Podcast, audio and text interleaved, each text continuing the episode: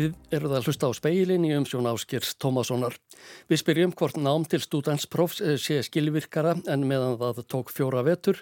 Fjöllum um stórstjörnuna Taylor Swift sem styrkir efnahag bandarækjana um miljardadólara með neyri hljómleikafersinni en hugum fyrst að stríðinu fyrir botni miðjararhafs.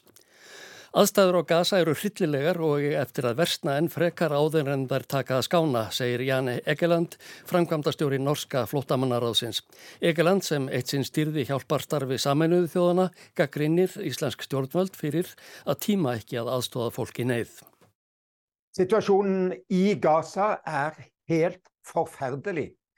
Vi har 54 kolleger, hjelpearbeidere i den norske flyktninghjelpen i Gaza. Mange har flyktet for livet. Eh, en del flyktet fra nord til sør, slik de fikk beskjed om av israelerne. Aðstæður á Gaza eru hryllilegar, segir Jan Egeland. Hann segir að norska flótamannaráðið sé með 54 hjálparstarfsmenn á staðnum. Sumir hafa þurft að flýja söður á bógin en þar sé líka varpað sprengjum.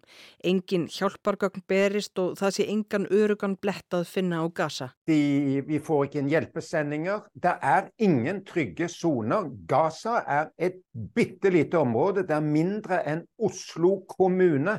Hann bendir á að þetta sé lítið landsvæði, þarna búum 2,3 miljónir manna á bletti sem er minna en sveitarfélagið Ósló, höfuborgarsvæðið í Noregi. Jeg er redd for at dette vil bare bli enda mye verre før det kan bli bedre.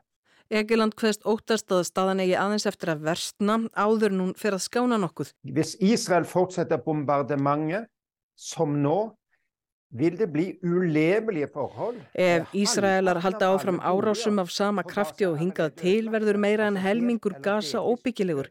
Helmingur alls íbúðarhúsnaðis er ímist skemtur eða ónýtur. Svo er ekki hægt að flýja neitt, öll landamæri eru lokuð. Staðan á gasa er einstök, bendir Egeland á, af því að svæðið er alveg aflokað. Þarna búa rúmlega 2 miljónir og fólk kemst ekkert af því að landamærin eru lokuð. På det området har du da en helt fryktelig krig. Vi har fordømt Hamases myrderier. Þetta er ræðilegt stríð, segir Jan Egeland. Við höfum fordæmt morð Hamasliða í Ísrael 7. oktober. Hamas hefur sendt flugskeiti inn í Ísrael. Við fordæmum það. En Ísrael hefur engan rétt til að fara með stóra sleggju á heilt samfélag af því að það eru hriðjuverkamenn í göngum undir því, segir Egeland og áþarfið neti jarðgangna undir Gazaborg. Sjúkrahúsin í Gaza eru alveg yfirkerð, staðan var ekki góð fyrir stríð, segir hann. 80% íbúa er á framfæri margra hjálparsamtaka meðal annara norska flottamannaráðsins. Fyrir stríð voru ekki til næg liv eða helbriðistarsfólk. Nú hafi staðan verstnað. Það verður að gera aðgerðir á fólki án þess að það hafi fengið deyfingu. Það er ekki til lifið krónískum sjúkdómum. Það er ekki eftir að veita krabbaminsveikum eða öðrum með langvarandi sjúkdóma læknisaðstóð. Öll orkan fyrir að veita þeim sem hafa særst læknishjálp. Egeland gaggrinir Íslendinga, Íslensk stjórnveld, fyrir að tíma ekki að aðstóða fólki neyð. Ísland, et ríkt, privilegert, fredelig samfunn, må trappe opp sin bistand. Ísland er langt bak andre sammenlignbare, f.eks. nordiske land, i å gi humanitær hjelp og utviklingshjelp til en verden med skrikende behov. Ísland sem er ríkt friðsamt samfélag þar sem fólk nýtur forréttinda verður að auka við aðstóð sína, segir hann. Ísland stendur langt að baki öðrum samanbörðalöndum til að mynda Norðurlöndunum. Ég veit að mannúðar aðstóð við þau ríki sem er í sári neyð. Afgrætti norskir skattgreðendur og sænskir skattgreðendur að gefa þrísvarsinu meira til mannúðamála meða við höfðatölu en ríku, ríku Íslendingarnir. Eh, altså, det er langt bak det det, det burde være. Eh, hvorfor skal norske skattebetalere, svenske skattebetalere gi tre ganger mer per capita enn en, en, en like rike islendinger? Þetta var Jan Egeland, framkvæmdastjóri norska flottamannaráðsins. Ragnhildur Torrarsjús sagði frá og Dani Hulda Erlendsdóttir rætti við Egeland.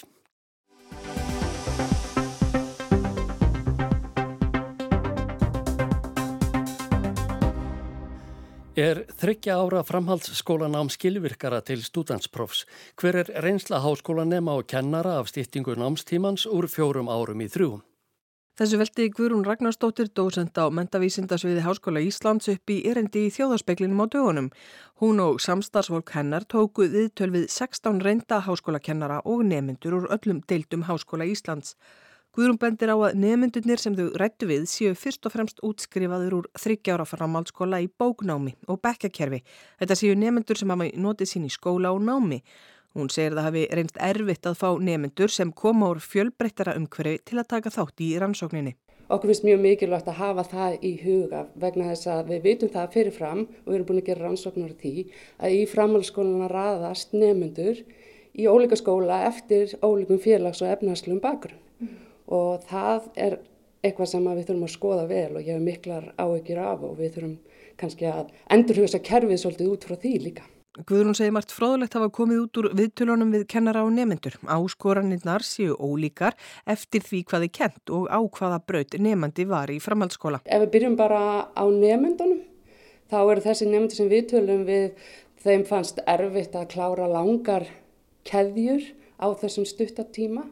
Þau tala um að það hafi verið tróðið í áfanga, þjappað og þau tala um mikið álag og þau tala líka um að þau hafa ekki haft tíma til að taka valafanga og þau gera sér líka grein fyrir því að í valafafangunum er mikil, mikla kveikjur til þess að kynastöður námi og gáfu dæmu um það að samnefnandi hafi bara farið í valafanga og það hafi nýjir svona heimar opnast fyrir þeim. Þetta byrktist líka í viðtölum háskólakennarana að einhver, einhver deildur og svið eru svona að hugsa það svolítið núna að kveikinu vantar í framhaldsskóluna og aðsóknartölur hafa mingað vegna þess að nefndur þekk ekki námið og þetta á engum við um félagsvísindasvið. Á félagsvísindasviði Háskóla Íslands er til að mynda kent félagsfræði, mannfræði, hagfræði, lögfræði, stjórnmálafræði og viðskiptafræði hafa nefendur sem eru útskrifaðir úr hinnu nýlega þryggja ára kerfi aðra þekkingu en nefendur sem að útskrifuðust úr fjóra ára framhaldsskóla. Mér finnst mjög mikilvægt að horfa á þetta í, samhengi við heilda stefnumótum sem fóra á staða á þessum tíma að, fyrst voru við um, opnuðum gríðala námskrán, við vorum með mjög miðstýra námskrá þar sem að nefndu fóri fimm brautir, veldu fimm brautir og var mjög stýrt, engi munur á milli skóla. Svo fyrir við í dreifstyringuna og það skapa og búa til allir framhaldsskólar sitt sína brautir og ofan í þetta kemur ný stefna, stefnun í stefnu, námið stitt og það er, og framhaldsskólar fengi ár til að gera það. Og við stýttinguna virðist hafa, þú veist, þessar tvær stefnur þær takast á, þær tókast á. Þetta frelsi og val og, og, og hugmyndir sem koma þar fram versus það að það þarf að skera einhverstað niður. Mm það voru mikil átök og ég rannsakaði það í fyrir rannsóknum mínum á milli framhalskólum hvað á að leifa, hvað á að fara út. Það voru líka grunnþættirni sem kom inn og, og, og háskólakennar tala reyndar um það og það verður að hafa í þessu samingi í huga að við erum með mjög djarfari nefndi sem þóra að tala, kunna að kynna sig og fjallum málefni, takast á um málefni og svona þeir gera sig grein fyrir því að það er ímislegt gott. En í þessar rannsókn erum við að skoðum undirbúinslutverk framhaldsskólans en við viljum líka halda því til haga að framhaldsskólinn er svo margt, margt, margt fleira. Hann er ekki bara undirbúa fyrir háskólan og það er margt gott sem hefur gerst í þessum námskrafbreytingum sem er afal mikilvægt að, að hugsa um. Mm. En við erum hugsa um líka tækifæri upp á þetta flæði í nám í háskóla. Já. Að það er Já, það er einmitt, um, það er hægt að hugsa um framhaldsskólan sem undirbúning fyrir háskólanám, svo er hægt að hugsa um framhaldsskóla sem undirbúning fyrir lífið. Við höfum þrýfætt hlutverk, þar sé að framhaldsskólikerfið, það eru undirbúningu fyrir háskólan, svo að undirbúa alla sem virka þáttakandur í líðræðistjóðfélagi og svo að undirbúa fyrir starf þetta er svona í ofinberlegum stefnublöggum og, og, og lögum. Mm. Og þetta fer ekki alltaf alveg saman? Þetta fer ekki alltaf alveg saman. Guðrún bendir á að nefnendur og kennarar hafi rætt gildi og virði stúdensprófs. Kennarar í sömum deildum hafi áhyggjur af meiri skólamun þar að segja mun á framhaldsskólum eftir styttingu. Já og það er kannski viðkvamasti þátturinn í þessu og verður að hafa í huga að við erum mjög dreifbílt land og við þurfum að þjóna öllu landinu og það þarf að vera tækifæri til hér allan nefnundur út um all land að fara. En það er skólamunur og veriðst vera bæði í, í þessum niðurstöðum sem við erum að tala um hérna núna og í niðurstöðum annar rannsókna um framhaldsskólan. Það er breytileiki í stúdensprónu.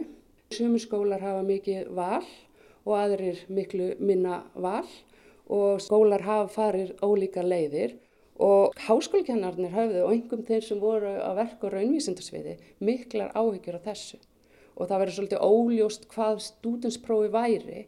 Stúdinsprófið í einum skóla er ekki það sama og í næsta skóla.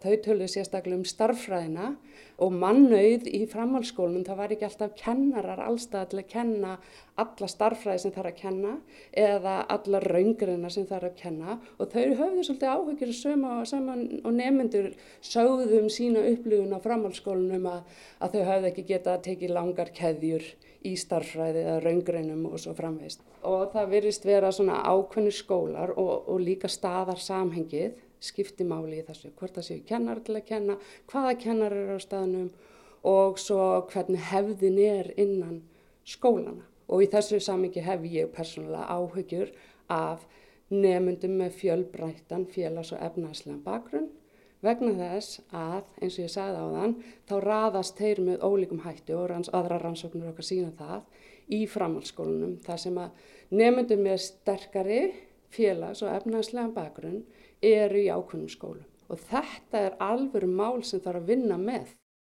Þetta var Guðrún Ragnarstóttir, dósend á mentavísindasviði Háskóla Íslands. Hún vinnur að rannsóknum á stefnubreitingum í mentamálum. Ragnhildur Torlasíus rætti við hana.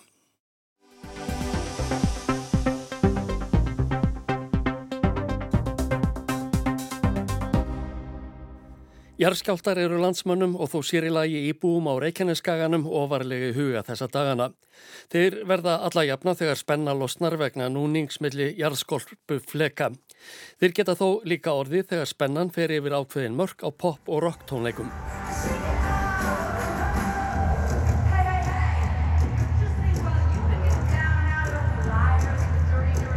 Þetta tónlistarbrót er frá tónleikum bandarísku stórstjörnunar Taylor Swift í Seattle í Washington-ríki 27. júli síðastliðin. Þegar mest gekk á syngdu jarðskjáltamælar í nánd við Lumenfield í þrútaleikfangin skjálta upp á 2,3. Þetta er reyndar ekki í fyrsta skipti sem jarðskjáltar mælast vegna tónleika. Það hefur einnig gerst hjá Bruce Springsteen, hljómsveitanum Foo Fighters og The Who og vafalust fleirum. Taylor Swift er óumdeilanlega skærasta pop, rock og country stjarnar heimsins um þessar mundir. Til marksum það má nefna að á vinsaldalistanum sem Billboard tónlistartímaritið tekur saman, Hot 100, er lag með henni í efstasæti þessa vikuna. Hún situr reyning í öðru og þriðja sætinu, sömuleiðis í því 5., 7., 7., 9. og 10. Þar fyrir neðan á hún 14 lög til viðbótar en ekkert fyrir neðan sætið 43. Listi Billboard yfir vinsælustu tónlistina í bandaríkjónum hefur verið tekinn saman allt frá árinu 1913. Blada var brotið í sögu listans í aprílbyrjun 1964 þegar þau Beatles áttur lög í fimm efstu sætonum. Þá byggðist listin reyndar aðeins á sölu tveggjalaga hljónplatna þar sem lagið á alliðinni átti möguleika á að komast inn á listan. Síðustu ár er plötusala mælt á samt hlustun á streymisveitun og spilun í útvarpstöðum. Forsendur fyrir því að koma lögum á lista eru því allt aðrar en þegar býtlaæðið var í alglemingi. Aftur að Taylor Swift. Hún á einnig nýju plötur af 30 á listanum yfir hæggengar hljómplötur og gesladiska. Hún hefur á 17 ára ferli sendt frá sér 10 hljómplötur. Af þeim hefur hún hljóðuritað að nýju fjórar plötur, þar af tvær á þessu ári. Þetta segir hún að sé mögulegt þar sem hún á orðið allan rétt á tónlistinni sem hún hefur samið og gefið út um, going back and reliving these things with the fans. And this time around, I get to do things that I know they wish I would have done the first time. Ég hverfa aftur í tíman með hljómsveitinni og í þetta skipti get ég gert hlutina eins og ég hefði viljað gera þá áður, sagði hún í nýlegum spjallþætti í sjónvarpi. Uppáttækið virðist hafa borgað sig því að plöturnar hafa rókselst, ekki síst vegna þess að hún hefur bætt við lögum sem ekki komust fyrir á upprunalegu útgáðunum. Þetta segist hún fá endalösar þakkir fyrir frá aðdáendum sínum. Taylor Swift er um þessar mundir í sinni fyrstu tónleikaferð um heiminn frá árinu 2018 til að fylgja plötunum eftir. Eras nefnist ferðin og vísar til þess að hún flytur þar blöndu af tónlistinni sem hún hefur gefið út síðastliðin 17 ár. Ferðin hófst 17. februar og líkur 8. desember á næsta ári ef allar áallanir standast. Tónleikarnir verða 149 í 5 heimsálfum og gætu hugsanlega orðið fleiri. Nokkurum var til dæmis bætt við í bandaríkjónum síðasliði sumar vegna gífurlagrar eftirspurnar eftir aðgangumiðum. Ef markam á Wikipedia skilar tónleikaferðin þegar mestu tekjum sem tónlistar kona hefur ráðist í til þessa og er svo næst hæsta þegar karlarnir eru taldir með. Af þessum ára á það að Taylor Swift er ekki á flæðiskeri stödd fjárhagslega. Washington Post líkti innkomunin nýlega við gullæði. Að sögblaðsins styrkir hinn bandaríski hluti tónleikaferðarinnar efnahag þjóðarinnar um 5,7 miljardar dollara um það byl 805 miljardar króna á gengi dagsins. Áætlað er að á hverjum tónleikum stjórnunar eigði aðdáendurnir 93 miljónum dollara samanlagt, það er rúmlega 13 miljardum króna. Hér er rétt að hafa í huga að gestitnir geta orðið alltaf því 70.000 í hver skipti. Þeir þurfa að kaupa aðgangum Margir bæta við bólum, húfum, treplum og öðrum minjagripum. Fólk þarf að ferðast til og frá tónleikastað, kaupa mat og sumir leggja út fyrir hótelgistingu.